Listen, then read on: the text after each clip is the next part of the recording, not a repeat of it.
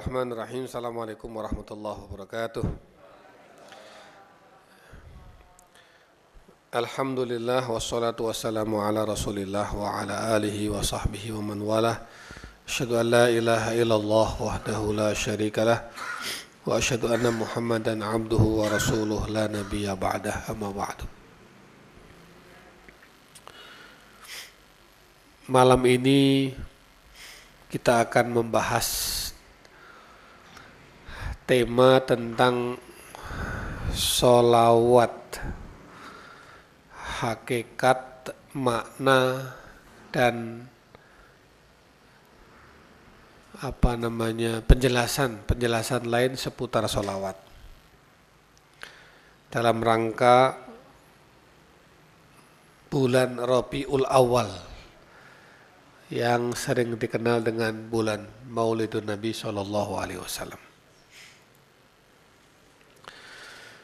Bapak Ibu yang saya hormati, biasanya orang kalau mencintai sesuatu, dia akan sering mengingatnya dan menyebutnya. Jadi salah satu tanda cinta itu sering menyebut dan sering mengingat. Itu salah satu tanda cinta seseorang pada sesuatu. Mencintai Allah berarti sering mengingat Allah dan menyebut Allah. Dan kemudian disimbolkan atau diwujudkan dalam bentuk zikir Bahkan perintah untuk berzikir itu perintahnya jelas. Berzikirlah yang banyak atau sebanyak-banyaknya. Ya ayyuhalladzina amanu zkurullaha dzikran katsira wasabbihuhu bukratan wa asila. Hai orang-orang yang beriman, Berzikirlah dengan menyebut nama Allah dengan zikir yang sebanyak-banyaknya. Garis bawahi ya, bukan sedikit tapi sebanyak-banyaknya.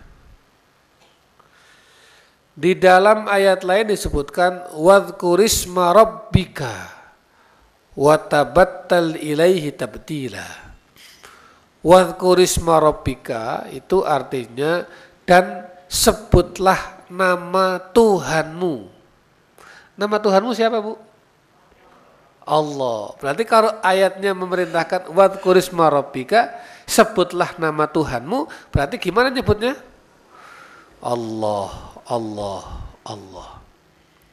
Itu zikir yang paling pendek dan yang paling sederhana. Jadi zikir itu Allah, Allah, Allah, Allah, Allah. Ini perintah Allah langsung.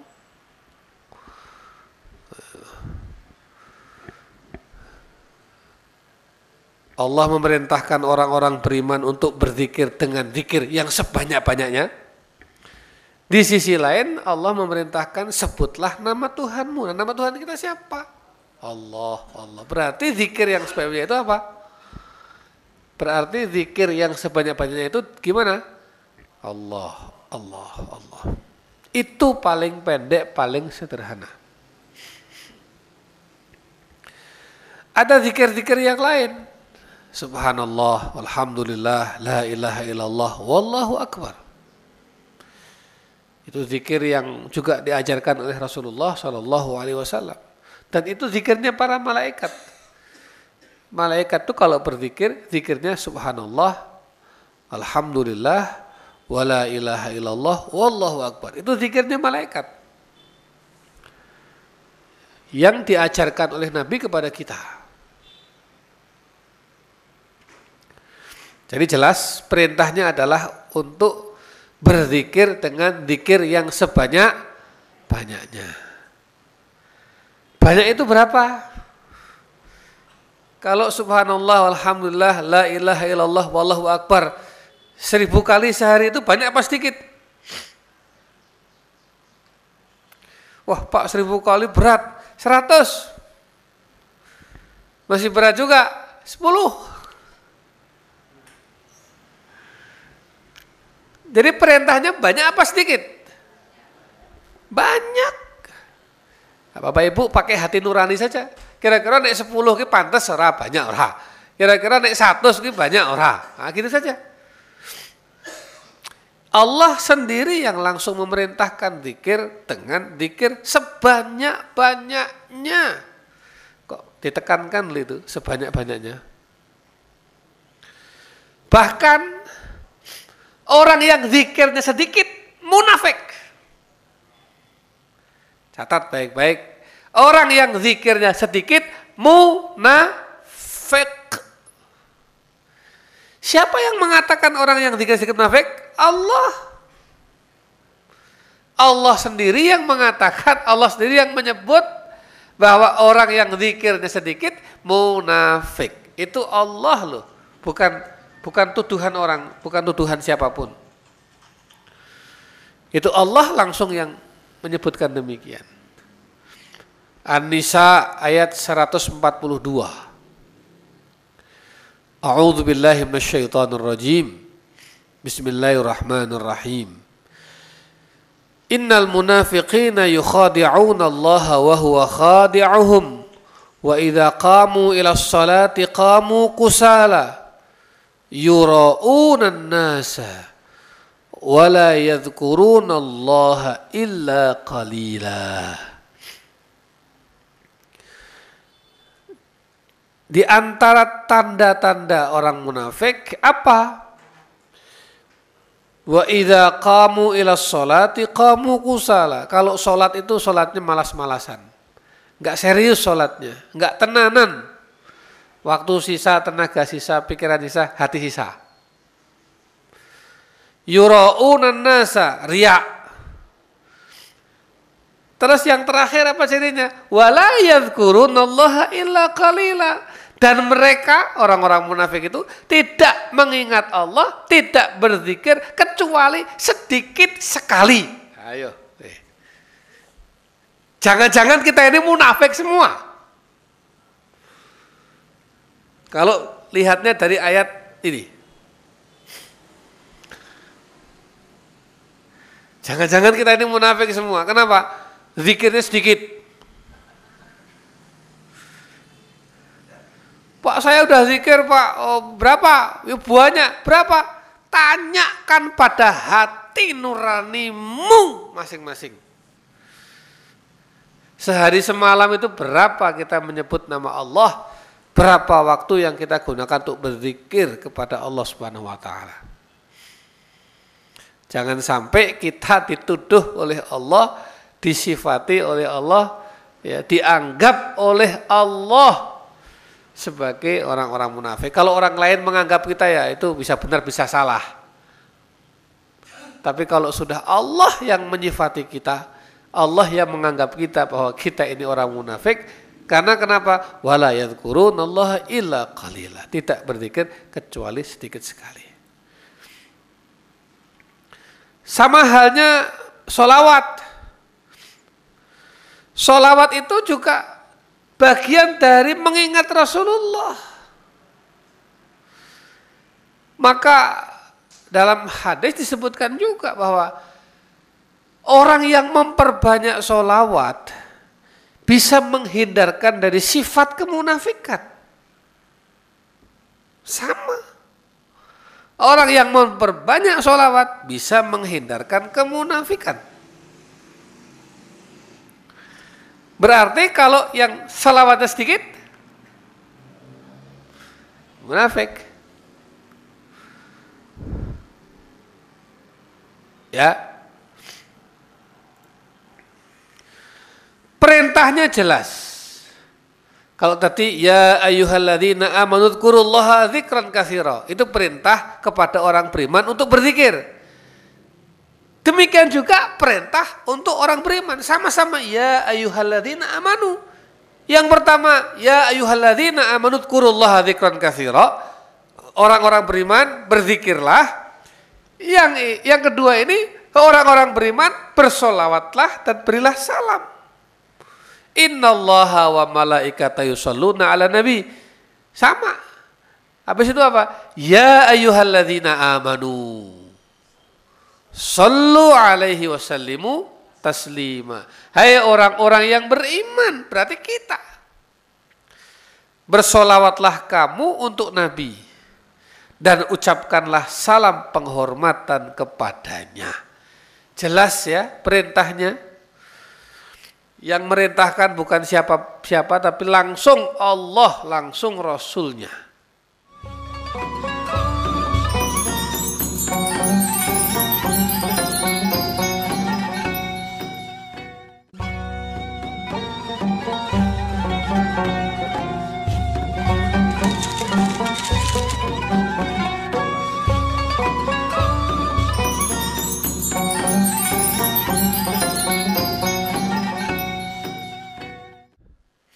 Bapak Ibu hadirin dan rahimakumullah. Satu-satunya perintah. Satu-satunya perintah. Yang Allah mulai dari dirinya sendiri adalah perintah solawat. Tidak ada. Apa ada perintah sholat itu sesungguhnya Allah sholat, sholatlah kamu. Tidak ada toh. Ada nggak perintah Allah kepada kita yang Allah mulai dari diri sendiri. Tidak ada, kecuali solawat.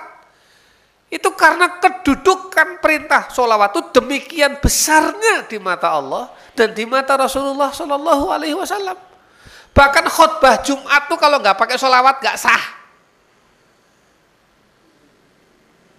Imam Syafi'i mengatakan begitu. Rukun khutbah Sholat kita kalau nggak pakai sholawat nggak sah. Mutahiyatnya pakai sholawat toh. Iya toh? Ada sholawat itu ada semua itu. Kenapa? Karena perintahnya langsung dan Allah mulai dengan diri sendiri. Makanya khotib itu kalau khutbah itu Innallaha amara bi amrin bada'a fihi binafsi. Sesungguhnya Allah memerintahkan suatu perintah yang Allah mulai dengan dirinya sendiri. Apa? Innallaha tadi. Kan perintahnya ya ayyuhalladzina amanu sallu alaihi wasallam. Itu kan diawali dengan innallaha wa malaikatahu yusalluna ala nabi. Allah dan para malaikatnya bersolawat atas nabi. Hai orang-orang yang beriman, bersolawatlah kamu Ya. Ada tiga yang mengucapkan sholawat kepada Nabi. Allah, malaikat, orang-orang beriman. Innallaha wa malaikatahu yusalluna ala nabi. Ya ayyuhalladzina amanu. Ada tiga, tiga, tiga, tiga golongannya, tiga kelompok yang bersolawat Nabi. Loh kok Allah sendiri bersolawat gimana? Solawat itu artinya doa. Jadi kalau Allah bersolawat atas Nabi itu artinya adalah Allah memberikan rahmat kepada Nabi. Kalau malaikat bersolawat kepada Nabi itu artinya malaikat memohonkan ampun untuk Nabi. Lalu solawatnya kita apa artinya? Solawatnya kita itu artinya adalah penghormatan dan ungkapan terima kasih kepada Rasulullah karena kenabian dan kerasulannya membawa manusia dari kegelapan kepada cahaya ilahi minadzulumati ilan nur. Jadi kalau kita mengucapkan Allahumma sholli ala sayyidina Muhammad itu itu sebetulnya dalam rangka penghormatan kita kepada sosok Rasulullah dan terima kasih kita yang tak terhingga. Kita jadi benar begini karena siapa? Karena Rasul. Rasul yang diutus Allah untuk menyampaikan firmannya. Firman Allah yang gak jelas dijelaskan oleh Rasul. Firman Allah yang gak ada contohnya dicontohkan oleh Rasul. Maka ada sunnah, maka ada hadis. Bayangkan, gak ada Rasul. Bagaimana jadinya kita ini?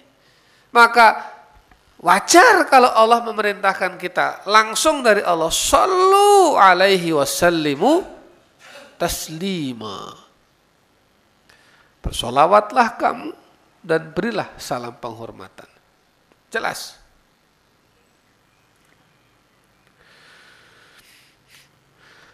Pendapat para ahli tafsir tentang ayat tadi, Inna Allah wa malaikatahu yusalluna ala nabi. Menurut para ahli tafsir dalam banyak kitab-kitab tafsir, mereka mengatakan bahwa solawat itu Inna Allah wa malaikatahu salluna ala nabi. Ya ayyuhalladzina amanu sallu alaihi wasallimu taslima. Itu satu solawat itu berlangsung terus menerus sebelum kelahiran Nabi saat Nabi masih hidup dan setelah wafatnya. Bahkan Nabi Adam itu bersolawat atas Nabi Muhammad Shallallahu Alaihi Wasallam Nabi Adam itu bersolawat kepada Nabi Muhammad. Karena Nabi Adam juga diberitahu bahwa besok pada akhir zaman akan ada Rasul, Nabi, penutup para Nabi dan Rasul. Namanya Ahmad Muhammad. Allahumma sholli ala Muhammad. Nabi Adam bersolawat. Jadi solawat ini berlangsung sejak zaman dahulu. Sejak Allah ciptakan manusia pertama. Dan ketika Nabi masih hidup. Dan ketika Nabi udah wafat. Sekarang ini kalau kita bersolawat, kita makomnya berarti bersolawat setelah wafatnya Nabi. Terus menerus. Ayat itu berlangsung. Yeah. Solawat bukan untuk kepentingan kita. Eh bukan untuk kepentingan Rasul, tapi untuk kepentingan kita. Solawat untuk kepentingan kita, bukan untuk kepentingan Rasul. Hadisnya banyak, nanti saya akan sebutkan di akhir. Hadis tentang solawat itu untuk kita banyak. Man sholla alaiya solatan, sallallahu alaihi biha asyra. Barang siapa kata Rasul, yang bersolawat kepadaku sekali, Allah akan membalas sepuluh kali solawat untuknya. Berarti Allah akan membalas sepuluh kali rahmat untuknya. Satu solawat dibalas oleh Allah dengan sepuluh rahmat. Jadi untuk kepentingan siapa?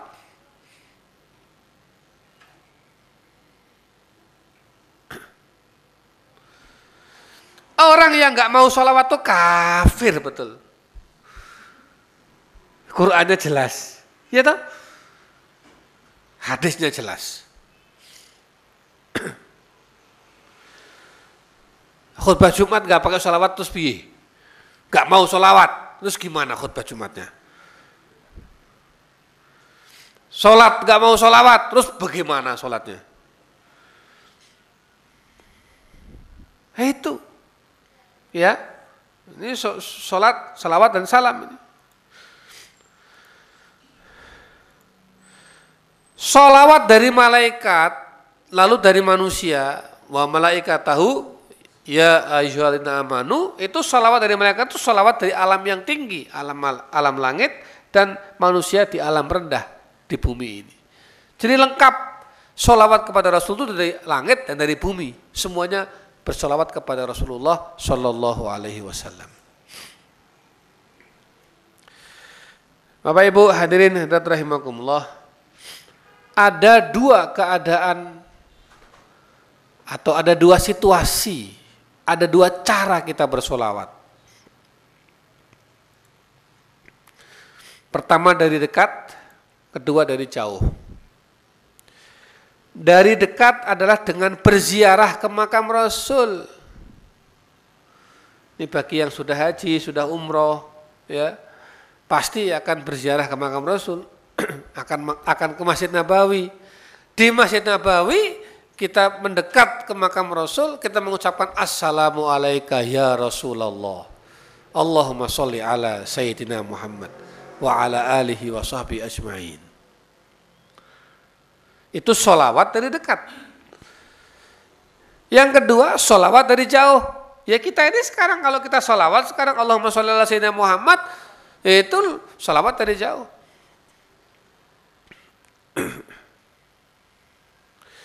Ada sebuah hadis Rasulullah Shallallahu Alaihi Wasallam bahwa orang yang berziarah kepada Rasul setelah wafatnya, maksudnya ziarah ke kuburnya, itu sama dengan dia berziarah ketika Rasul masih hidup.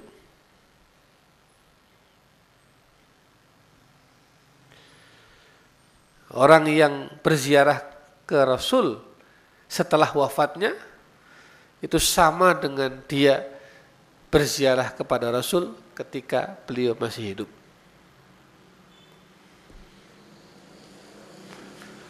Jadi berbahagialah yang pernah berziarah ke makam Rasul karena itu berarti dia pernah mengunjungi Rasul sama seperti pernah mengunjungi Rasul pada saat masih hidup. Salawat dari dekat dengan cara berziarah langsung ke makam Rasul. Apabila kita mengucapkan salam dan solawat dari dekat dengan cara berziarah ke makam Rasul Shallallahu Alaihi Wasallam, maka Rasul dapat mendengarnya dan langsung menjawab salam kita. Assalamualaikum ya Rasulullah. Rasul akan menjawab wa alaikassalam. Fulan bin Fulan. Assalamualaikum ya Rasulullah. Waalaikumsalam. Sebut oleh Rasul nama kita.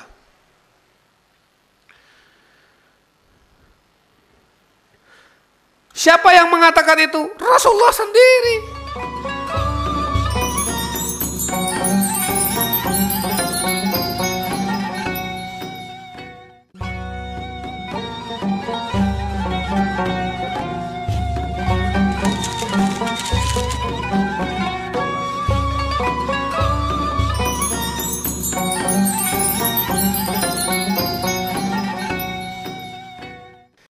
Dalam hadisnya itu.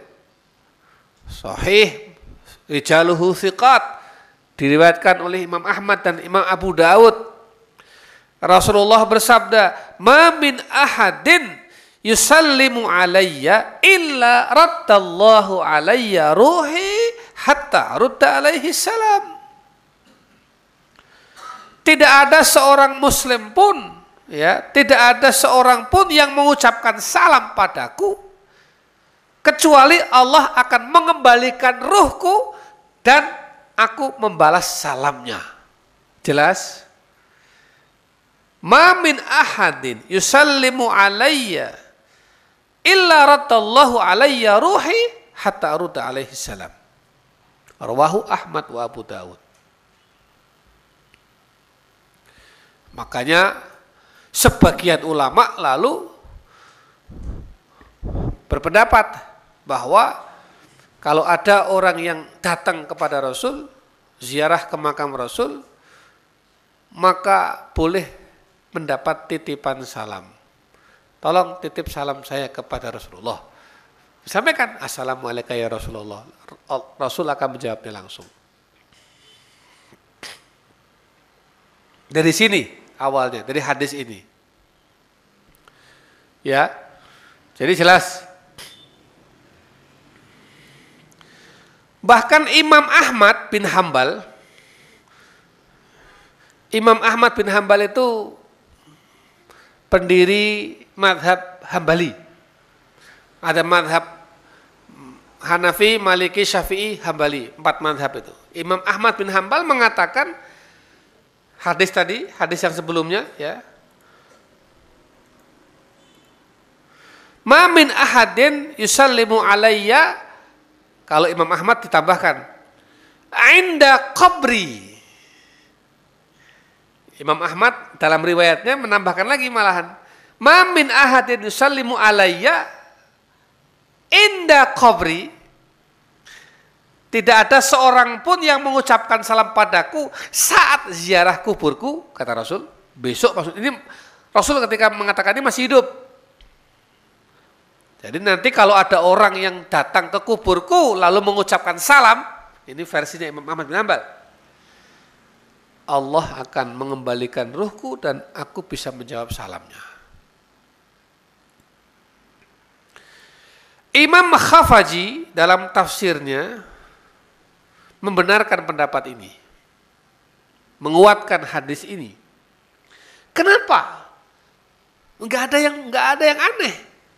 Enggak ada yang mustahil. Lah kenapa? Loh karena Al-Qur'an menyebutkan para syuhada yang gugur di dalam visabilillah itu enggak mati. Siapa yang mengatakan mati? Loh, nu ayatnya Al-Baqarah 154. Wala taqulu lima yuqtalu fisabilahi amwat. Jangan kamu kira, jangan kamu katakan orang-orang yang gugur di jalan Allah itu mereka mati. Bal ahya walakila tashurun. Tetapi mereka hidup. Kamu aja yang nggak tahu.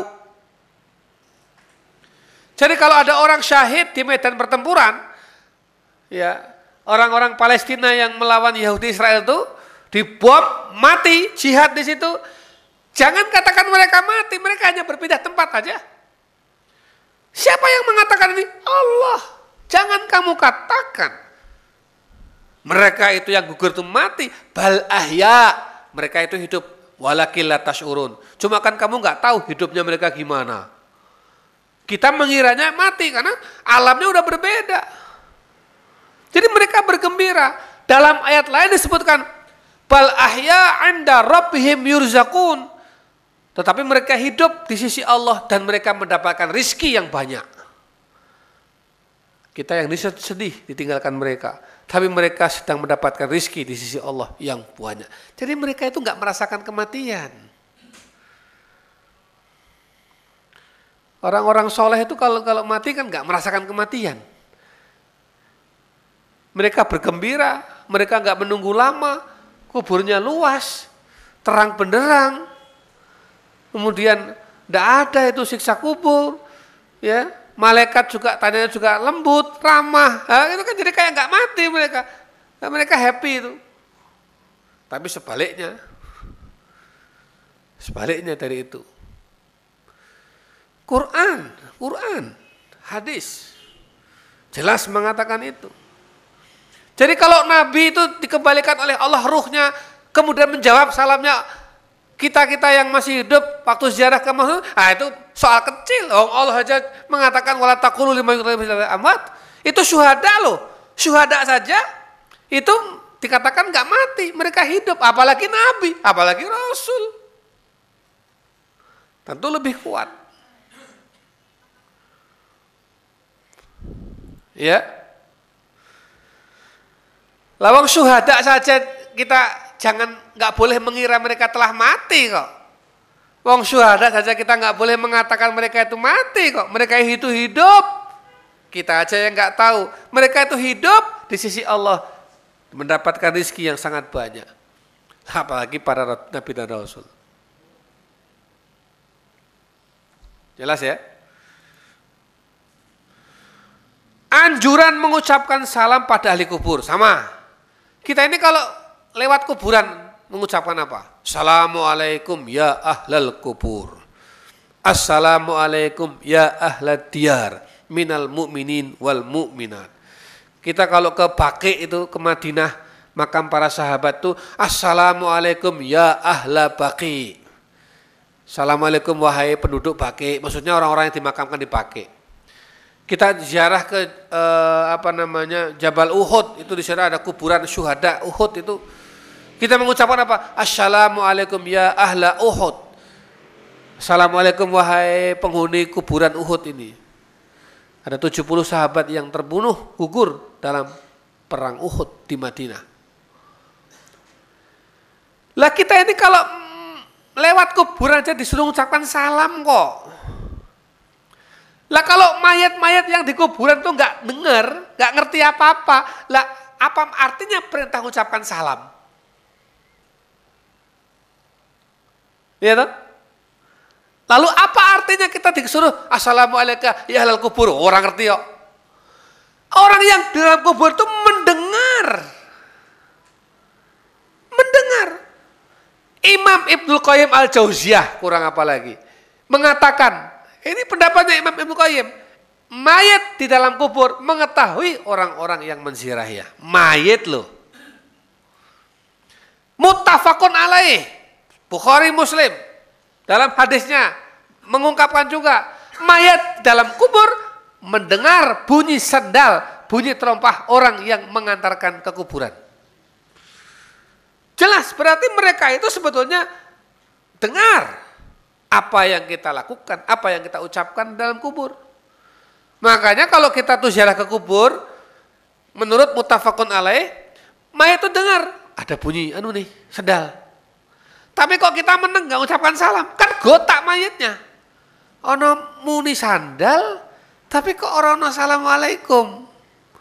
Kira-kira kalau rumah kita pak, kita lagi di, di belakang, ada kita mendengar ada bunyi sendal masuk rumah, tapi nggak ada assalamualaikum, curiga nggak?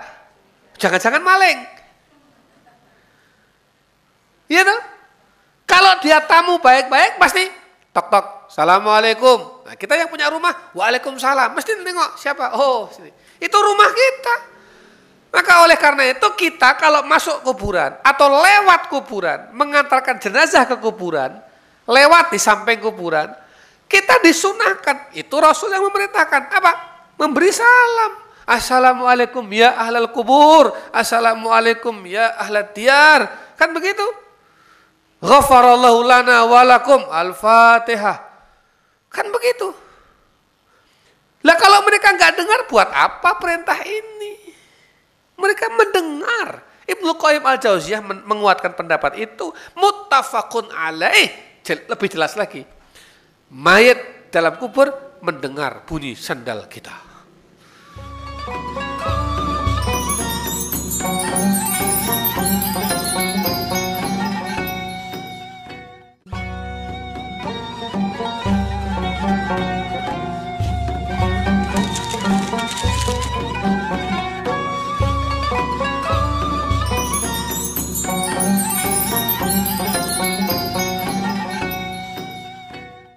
Mau bukti lagi, Nabi Muhammad tuh pernah berbincang-bincang dengan orang-orang musyrik yang terbunuh dalam perang Badar.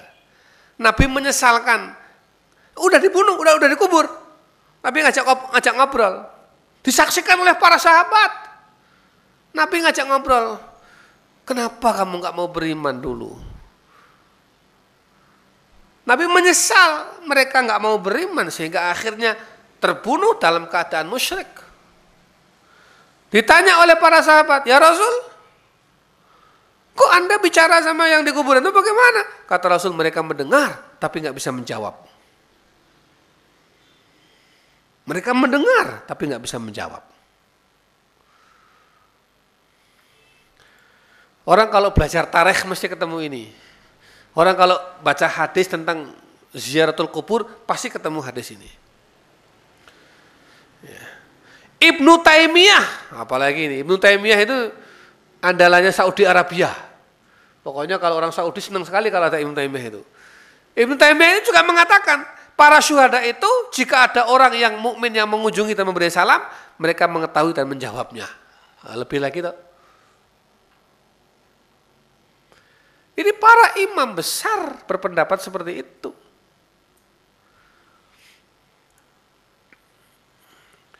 Itu yang pertama ya, solawat dari dekat. Rasul mendengar dan menjawabnya langsung. Dalilnya ya tadi hadis Nabi bahwa apabila ada seseorang yang mengunjungiku dan memberi salam kepadaku, Allah akan kembalikan ruhku dan aku menjawab salamnya. Itu sabda Rasul itu. Satu. Yang kedua, Al-Qur'an Al-Baqarah 154 Jangan kau kira orang-orang yang terbunuh, gugur, syahid di jalan Allah itu mati, mereka hidup. Kamu aja yang nggak tahu. Lah kalau syuhada aja begitu, apalagi Nabi dan Rasul. Ya. Yang ketiga, hadis muttafaqun alaih, Bukhari Muslim. Di situ disebutkan bahwa mayat dalam kuburan mendengar bunyi terompah, bunyi sendal orang yang menziarahinya. Empat, pendapat Imam Ibnu Qayyim Al-Jauziyah. Sama. Kelima, pendapat Imam Ibnu Taimiyah. Keenam, hadis sahih mutawatir di mana Rasulullah disaksikan oleh para sahabat berbicara dengan orang-orang musyrik yang gugur dalam perang Badar. Maka nggak usah ragu kalau kita ziarah ke makam Rasul dan mengucapkan salam serta salawat kepada Rasul Shallallahu Alaihi Wasallam, Rasul mendengar dan langsung menjawab salam kita. Itu keadaan pertama orang yang memberi salam dari dekat. Yang kedua, salam dan solawat dari jauh. Seperti kita sekarang ini, dari rumah, dari masjid, di taklim, di mobil, di jalan, di pesawat. Salam dari jauh. Tidak dengan ziarah ke makam Rasul, tapi mengucapkan salam dan salawat dari mana saja. Maka dalam keadaan seperti ini, salam kita itu disampaikan oleh malaikat. Ada malaikat-malaikat yang oleh Allah ditugaskan khusus menyampaikan salam kita kepada Rasulullah.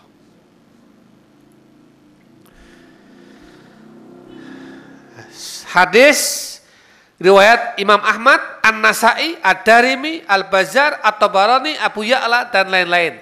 Ibnu Hibban, Al-Hakim dan Ibnu Qayyim mensahihkannya. Apa hadisnya? Hadisnya mengatakan Rasulullah Wasallam bersabda, Innalillahi malaikatan sayyahina fil ardi yuballighuni min ummatis salam. Sesungguhnya Allah memiliki malaikat yang berkeliling di muka bumi. Lalu kemudian kalau ada orang mengucapkan salam dan salawat kepada Rasul, malaikat itu lalu menyampaikan kepada Rasul. Tentu malaikat cepat sekali. Kalau kita kan jarak dari Pekalongan ke Madinah 10 jam. Malaikat cepat sekali. Lalu malaikat sewengi bolak-balik dunia ke Allah aja berapa? Kalau kita sholat malam kan langsung disampaikan kan? Bagi bagi malaikat, bagi Allah kecil sekali kan dunia itu. Tak tak tak tak tak tak Cepat sekali. Ada malaikat-malaikat yang berkeliling, yang tugasnya menyampaikan salam umatnya Rasul kepada Rasulullah Shallallahu Alaihi Wasallam. Ini hadis ini banyak tidak dikemukakan, disembunyikan. Termasuk hadis yang tadi pertama itu, itu banyak disembunyikan, nggak jujur kita ini.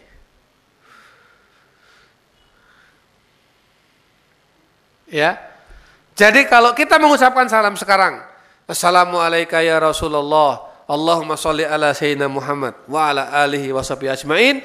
Langsung ini malaikat menyampaikan, Rasul ada salam tuh dari Anang. Ada salam tuh dari fulan bin fulan. Langsung.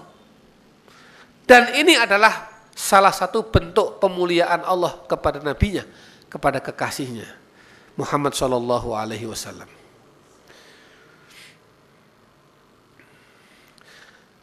Ini ada lagi hadis dari Aus bin Aus radhiyallahu anhu.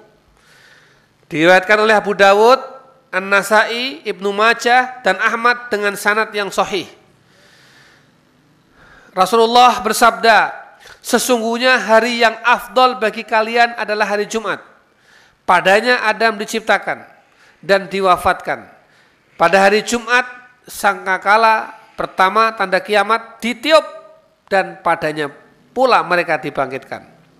Karena itu perbanyaklah bersolawat kepadaku karena solawat kalian akan diperhadapan kepadaku. Sahabat bertanya, ya Rasul, bagaimana solawat yang kami ucapkan untukmu bisa diperhadapkan kepadamu sedangkan jasadmu telah hancur dikebumikan? Sahabat loh, ini pertanyaannya bukan pertanyaan orang sekarang. Orang sekarang mungkin bapak ibu-ibu di sini akan bertanya, gimana? Kan Rasul sudah diwafatkan dikuburkan 14 abad yang lalu. Gak usah heran, sahabatnya tanya kok, ini masih hidup Rasulnya. Jadi ini panjenengan semua aneh, kemudian pakai logika, kayak orang mungkin. Rasul sudah dimakamkan 14 abad yang lalu. Enggak, ya kan? Sahabat itu tanya. Apa kata sahabat? Ya, Qalu ya Rasulullah, wa kaifa tu'radu salatuna alaika wa qad umir urimta. Ya Rasul, bagaimana salawat itu disampaikan kepadamu, dihadapkan kepadamu, sedangkan engkau telah hancur oleh tanah. Apa jawab Rasul? Ya. Faqala inna Allah azza wa jalla harrama alal ardi adsatal anbiya. Rasul menjawab, sesungguhnya Allah telah mengharamkan bagi tanah, bagi bumi untuk memakan jasad para nabi. Para percaya, kalau gali ya. Silakan tuh gali makam para nabi itu. Saya hakul yakin meskipun meskipun nggak lihat, tapi nggak usah lihat. Tapi saya iman saya mengatakan hakul yakin jasad para nabi para rasul itu masih utuh karena hadis ini.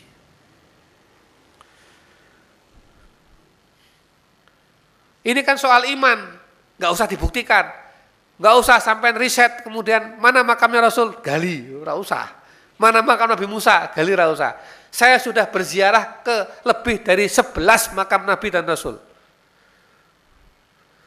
Ya, Nabi Nabi Muhammad dah.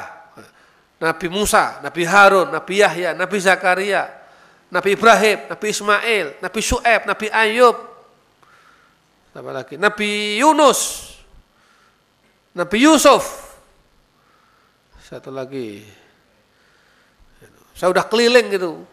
Mesir, Yordania, Palestina, Damaskus, Saudi, itu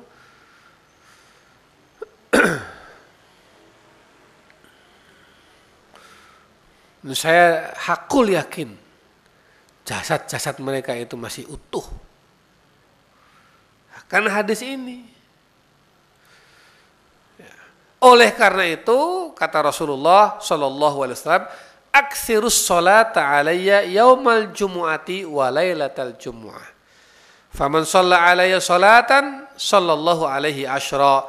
Perbanyaklah kalian membaca salawat kepadaku khususnya pada hari Jumat dan malam Jumat Barang siapa yang sholawat kepadaku sekali niscaya Allah akan membalasnya sepuluh kali. Di dalam riwayat lain mengatakan hadis lain Aksiru minas sholati alayya laylatal jumu'ati wa yaumal jumu'ati. Perbanyaklah bersolawat kepadaku pada malam Jumat dan hari Jumat. Fa inna sholatakum alai ma'rudatun alayya. Karena pada hari itu solawat kalian disampaikan berikan kepadaku.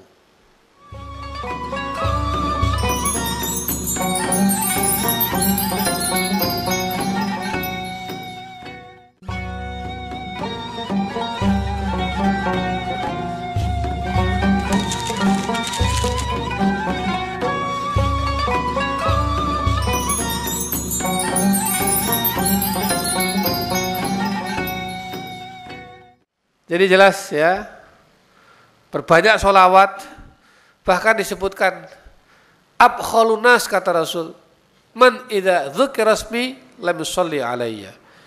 Orang yang paling bakhil, paling kikir, paling pelit adalah orang yang ketika disebut nama Nabi, dia tidak mengucapkan solawat. Paling pelit itu. Pak saya menjawabnya dalam hati, ya kena. Seperti jawab. Kalau sampai di hati pun nggak jawab, nama Nabi disebut tidak mengucapkan dalam sini, tidak otomatis Allahumma sholli ala Muhammad. Wassallallahu alaihi Muhammad. Allahumma sholli wasallim alaihi. Kok tidak begitu? Pelit itu, paling pelit. Bahkan bisa-bisa dihukumi sebagai munafik kita. Jelas ya? Itu. Maka sholawat ini penting, ini ajaran ajaran. Dalam tahiyat akhir malah sholawatnya ditambah dengan Nabi Ibrahim. Allahumma sholli ala Sayyidina Muhammad wa ala ali Sayyidina Muhammad kama sholli ta'ala Sayyidina Ibrahim. Malah ke, malah menjangkau Nabi Ibrahim malahan. Wa barik ala Sayyidina Muhammad kama barok ta'ala Sayyidina Muhammad kama barok ta'ala Sayyidina Ibrahim. Menjangkau Nabi Ibrahim. Ya Allahumma sholli ala sayyidina Muhammad wa ala ali sayyidina Muhammad kama sholli ta'ala sayyidina Ibrahim wa ala sayyidina Ibrahim. Wa barik ala sayyidina Muhammad wa ala ali sayyidina Muhammad kama barak ta'ala sayyidina Ibrahim wa ala ali sayyidina Ibrahim. Innaka hamidum majid. Ya kan? jadi jelas itu. Maka kita dianjurkan untuk memperbanyak sholawat di dalam sholat maupun di luar sholat Bahkan para ulama itu kalau mau khutbah, mau ceramah itu selalu mengawali dengan sholat, dengan sholawat. Bapak Ibu sekalian, ini fadilah sholawat saya sebutkan singkat aja. Fadilah itu ada dua. Fadilah yang bersifat ukhrawiyah, akhirat. Fadilah yang bersifat duniawiyah, dunia. Ini fadilah sholawat. Fadilah di akhirat, satu. Tadi. Sholawat itu adalah memenuhi perintah Allah. Inna Allah wa malaikata yusalluna ala nabi ya ayyuhalladzina amanu sallu alaihi wa sallimu taslima. Itu maka kalau orang memenuhi perintah Allah mendapatkan pahala. Dicatatlah sebagai sebuah kebaikan. Di akhirat akan mendapatkan pahala. Yang kedua, sholawat itu bisa menaikkan derajat kita dan bisa menghapus dosa-dosa. Menghapuskan kesalahan-kesalahan. Hadisnya ya kata Rasul, "Man shalla alayya sholatan wahidatan, barang siapa yang bersolawat kepadaku satu kali solawat, sallallahu alaihi asyra solawatin, Allah akan membalasnya dengan sepuluh kali, maksudnya sepuluh rahmat, wa anhu dan akan dihapuskan darinya sepuluh kesalahan-kesalahan kecil. Satu kali sholawat Allahumma sholli ala Muhammad dibalas oleh Allah sepuluh rahmat, dihapuskan dari kita sepuluh kesalahan. Itu fadilah sholawat. Jadi mengurangilah, mengurangi beban. Di akhirat nanti catatan apa kesalahannya itu berkurang, berkurang, berkurang, berkurang, berkurang. Adzufru bi Nabi sallallahu alaihi wasallam. Orang yang sering salawat tentu akan semakin besar peluangnya mendapatkan syafaat Rasul di hari kiamat kelak. Yang keempat, sababul qurbi lin, Nabi yaumal qiyamah wa fihi najatun min ahli ahwaliha. Salawat itu menjadi sebab kedekatan kita pada Rasul pada hari kiamat.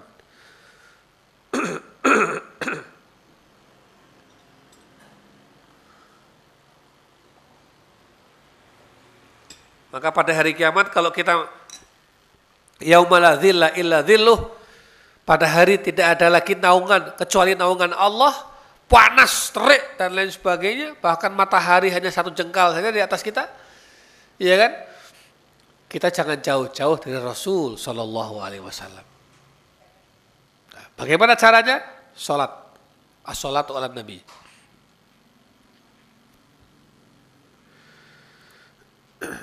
Fadilah duniawiyah.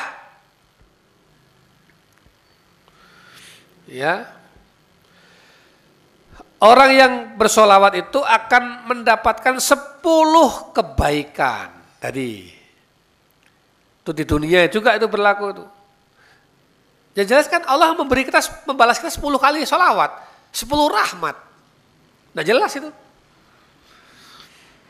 Sababun liqadha'il hawaij. Sholawat bisa jadi menjadi salah satu sebab wasilah dikabulkannya hajat kita.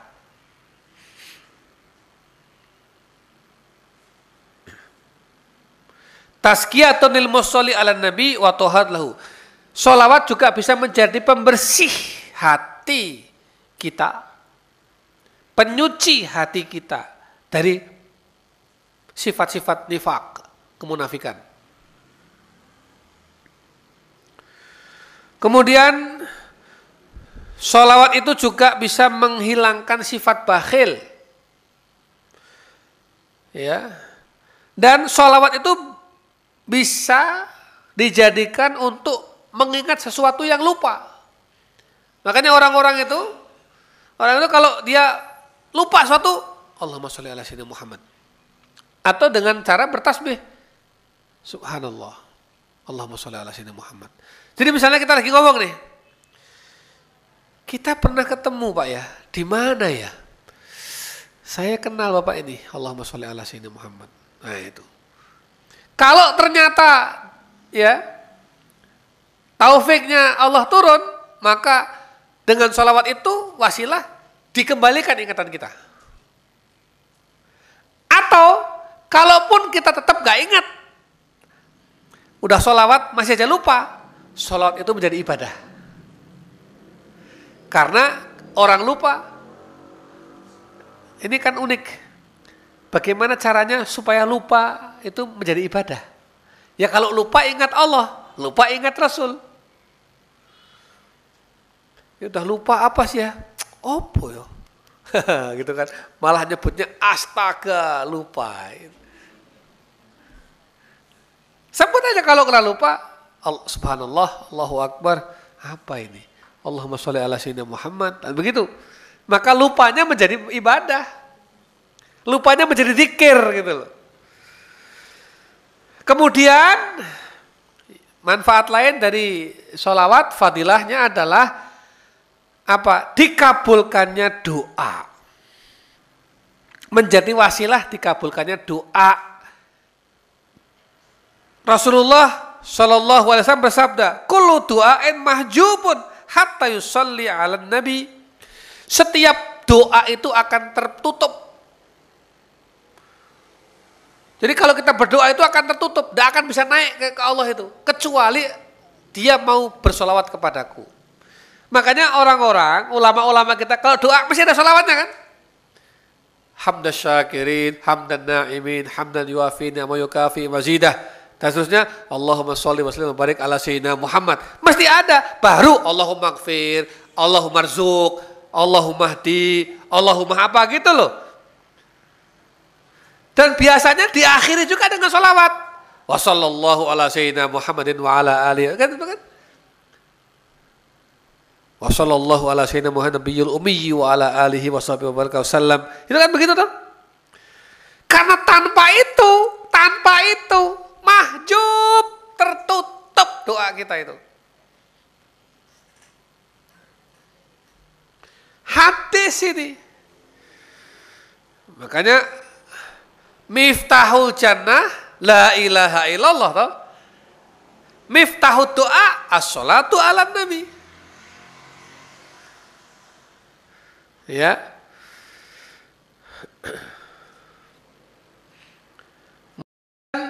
Solawat juga menjadi sebab untuk dipenuhinya kebutuhan dan kesulitan para hambanya, hamba Allah Subhanahu wa taala. Karena solawat mengandung apa namanya? fadilah yang sangat besar sekali. Itulah Bapak Ibu sekalian tentang solawat, hakikat solawat. Ya. Dan berbanyaklah bersolawat kepada Nabi di jalan, di mobil. Udah dalam hati aja. Allahumma sholli ala sayyidina Muhammad wa ala alihi wa sahbihi wa sallim. Allahumma sholli ala sayyidina Muhammad wa ala alihi wa sahbihi wa sallim. Allahumma sholli ala sayyidina Muhammad wa ala alihi wa sahbihi wa sallim. Kalau saya begitu. Ya, Bapak Ibu mungkin ada salawat yang lain. Sallallahu ala sayyidina Muhammad, sallallahu ala sayyidina Muhammad, sallallahu alaihi wasallam. Boleh. Yang penting ada unsur salawatnya, ada sallallahnya, ada solinya gitu loh.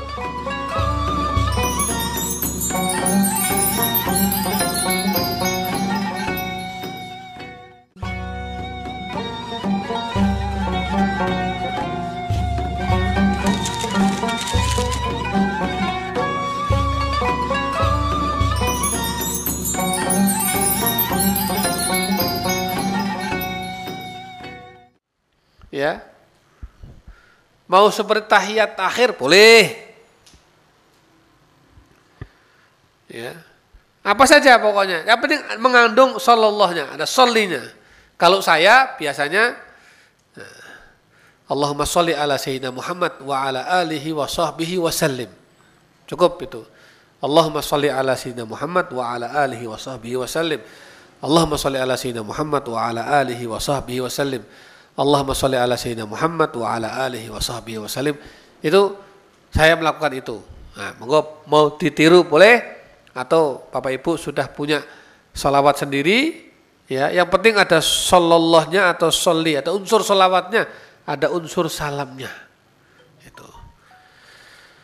Baik, saya kira itu ya kajian tentang uh, salawat Mudah-mudahan kita termasuk yang bisa mengamalkannya. Ya, pendapat tadi sudah saya kemukakan semua. Ya. Dan sudah berulang kali saya mengatakan ini. Baik, silahkan. Assalamualaikum warahmatullahi wabarakatuh.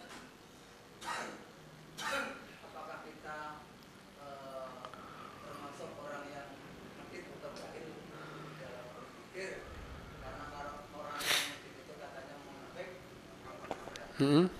Maka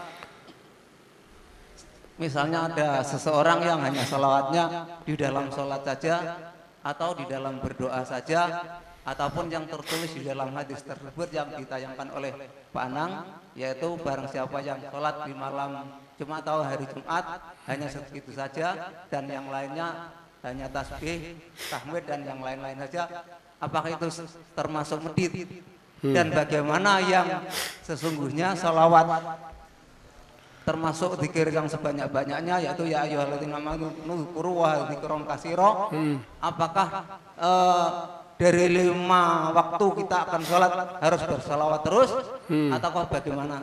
Makasih assalamualaikum. Jenengan dari rumah ke sini sholawat zikir. Saya kalau keliling pondok itu sambil ngontrol pondok itu iya mesti sholawat zikir daripada meneng. Jangan terbatas pada sholat totok. Ya mau jangan-jangan nanti termasuk yang munafik kita. Zikirnya sedikit. Ya kan? Karena zikirnya hanya pas-pasan. Sholawat juga begitu. Nah, yaumul jum'ah malam itu diperbanyak dari biasanya. Gitu ya. Sholawat aja. Di mobil kita lagi pada sepi gitu, udah sholawat aja. Manteng aja. Sendiri dalam hati kan? Kan enggak, jangan jangan terpaku bahwa harus sholat itu harus banyak-banyak orang, rame enggak. Sendiri juga bisa. Nunggu waktu dari adzan ke sholat, adzan ke ikomat, zikir, tasbih, tahmid, tahlil, takbir, sholawat, gitu.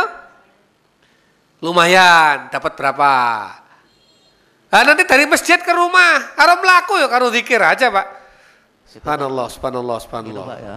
Mohon ya. maaf kalau yang di musola itu masjid itu kan ketika mau sholat itu kan ada sholawat yang secara keras-kerasan pakai pengeras suara.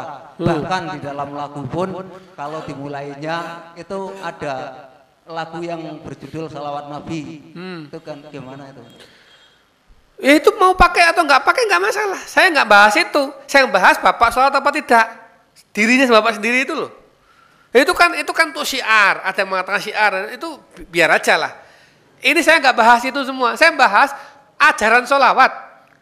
Yang penting praktekkan pada kita.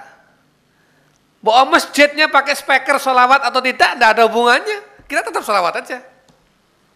Kan gitu toh? Zikir, di masjid ada zikir bersama atau tidak? Enggak ada masalah. Mau gabung boleh, enggak gabung ya zikir sendiri.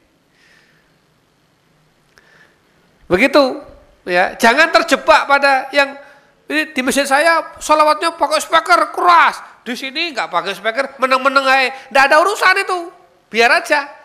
Tapi kita ini sholawat apa tidak gitu loh, banyak apa sedikit.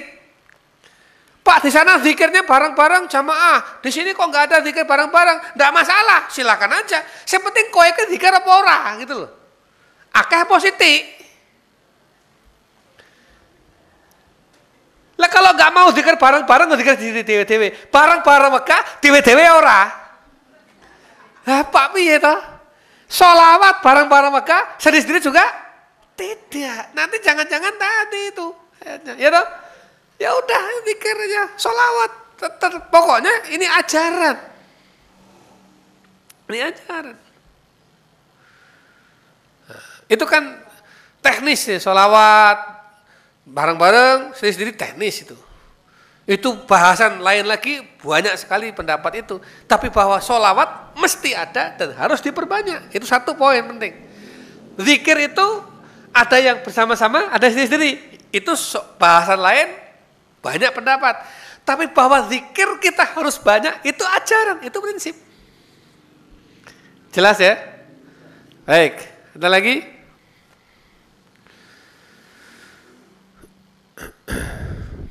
Ibu-ibu ada? Cukup ya?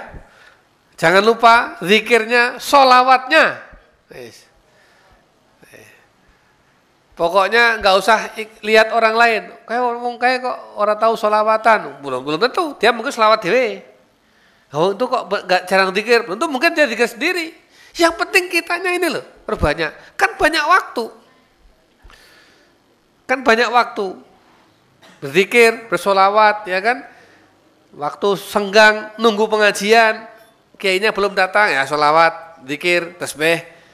Di masjid, itikaf, zikir, tasbih, tahmid, takbir, tahlil, baca Quran, munajat. Apalagi di kendaraan, di pesawat, nunggu apa begitu. Bahkan ibu-ibu juga bisa itu sambil masak itu ya sambil selawat aja. Itu insya Allah lebih enak anunya. Karena dengan cinta dia. Ya. Nah, saya kira itu mudah-mudahan ada manfaatnya untuk kita semuanya. Mari kita tutup dengan membaca doa bersama-sama. Al-Fatihah. A'udzubillahi minasyaitonirrajim. Bismillahirrahmanirrahim. Alhamdulillahi rabbil alamin rahim maliki yaumiddin iyyaka na'budu wa iyyaka nasta'in. Ihdinas siratal mustaqim siratal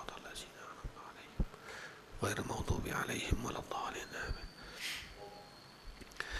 بسم الله الرحمن الرحيم. الحمد لله رب العالمين. حمد الشاكرين حمد الناعمين حمدا يوافي نعمه يكافي مزيده. يا ربنا لك الحمد كما ينبغي لجلال وجهك الكريم وعظيم سلطانك. اللهم صل وسلم وبارك على سيدنا محمد وعلى آله وصحبه أجمعين. ربنا ظلمنا أنفسنا وإن لم تغفر لنا وترحمنا لنكونن من الخاسرين. اللهم اغفر لنا ولوالدينا وارحمهم كما ربونا صغارا وللمسلمين والمسلمات والمؤمنين والمؤمنات الأحياء منهم والأموات. إنك سميع قريب مجيب الدعوات. يا قاضي الحاجات. اللهم إنا نسألك الخير كله عاجله وآجله. ما علمنا منه وما لم نعلم. ونعوذ بك من الشر كله عاجله وآجله. ما علمنا منه وما لم نعلم. اللهم انفعنا بما علمتنا وعلمنا ما ينفعنا وارزقنا علوما تنفعنا في الدين والدنيا والآخرة. ربنا لا تزغ قلوبنا بعد إذ هديتنا وهب لنا من لدنك رحمة إنك أنت الوهاب. ربنا اصرف عنا السوء بما شئت وكيف شئت إنك على ما تشاء قدير. اللهم لا تدع لنا في مقامنا هذا ذنبا إلا غفرته ولا عيبا إلا سترته ولا هما إلا فرجته ولا دينا إلا قضيته. ولا مريضا إلا شفيته ولا ميتا إلا رحمته ولا جاهلا إلا علمته ولا ضالا إلا هديته ولا طالبا إلا وفقته ولا فقيرا إلا أغنيته ولا حاجة من حوائج الدنيا. هي لك رضا ولنا فيها صلاح. برحمتك يا أرحم الراحمين. ربنا آتنا في الدنيا حسنة وفي الآخرة حسنة وقنا عذاب النار. وادخلنا الجنة مع الأبرار. يا عزيز يا غفار يا رب العالمين. وصلى الله على سيدنا محمد النبي الأمي وعلى آله وصحبه وبارك وسلم. سبحان ربك رب العزة عما يصفون وسلام على المرسلين. والحمد لله رب العالمين. السلام عليكم ورحمة الله وبركاته.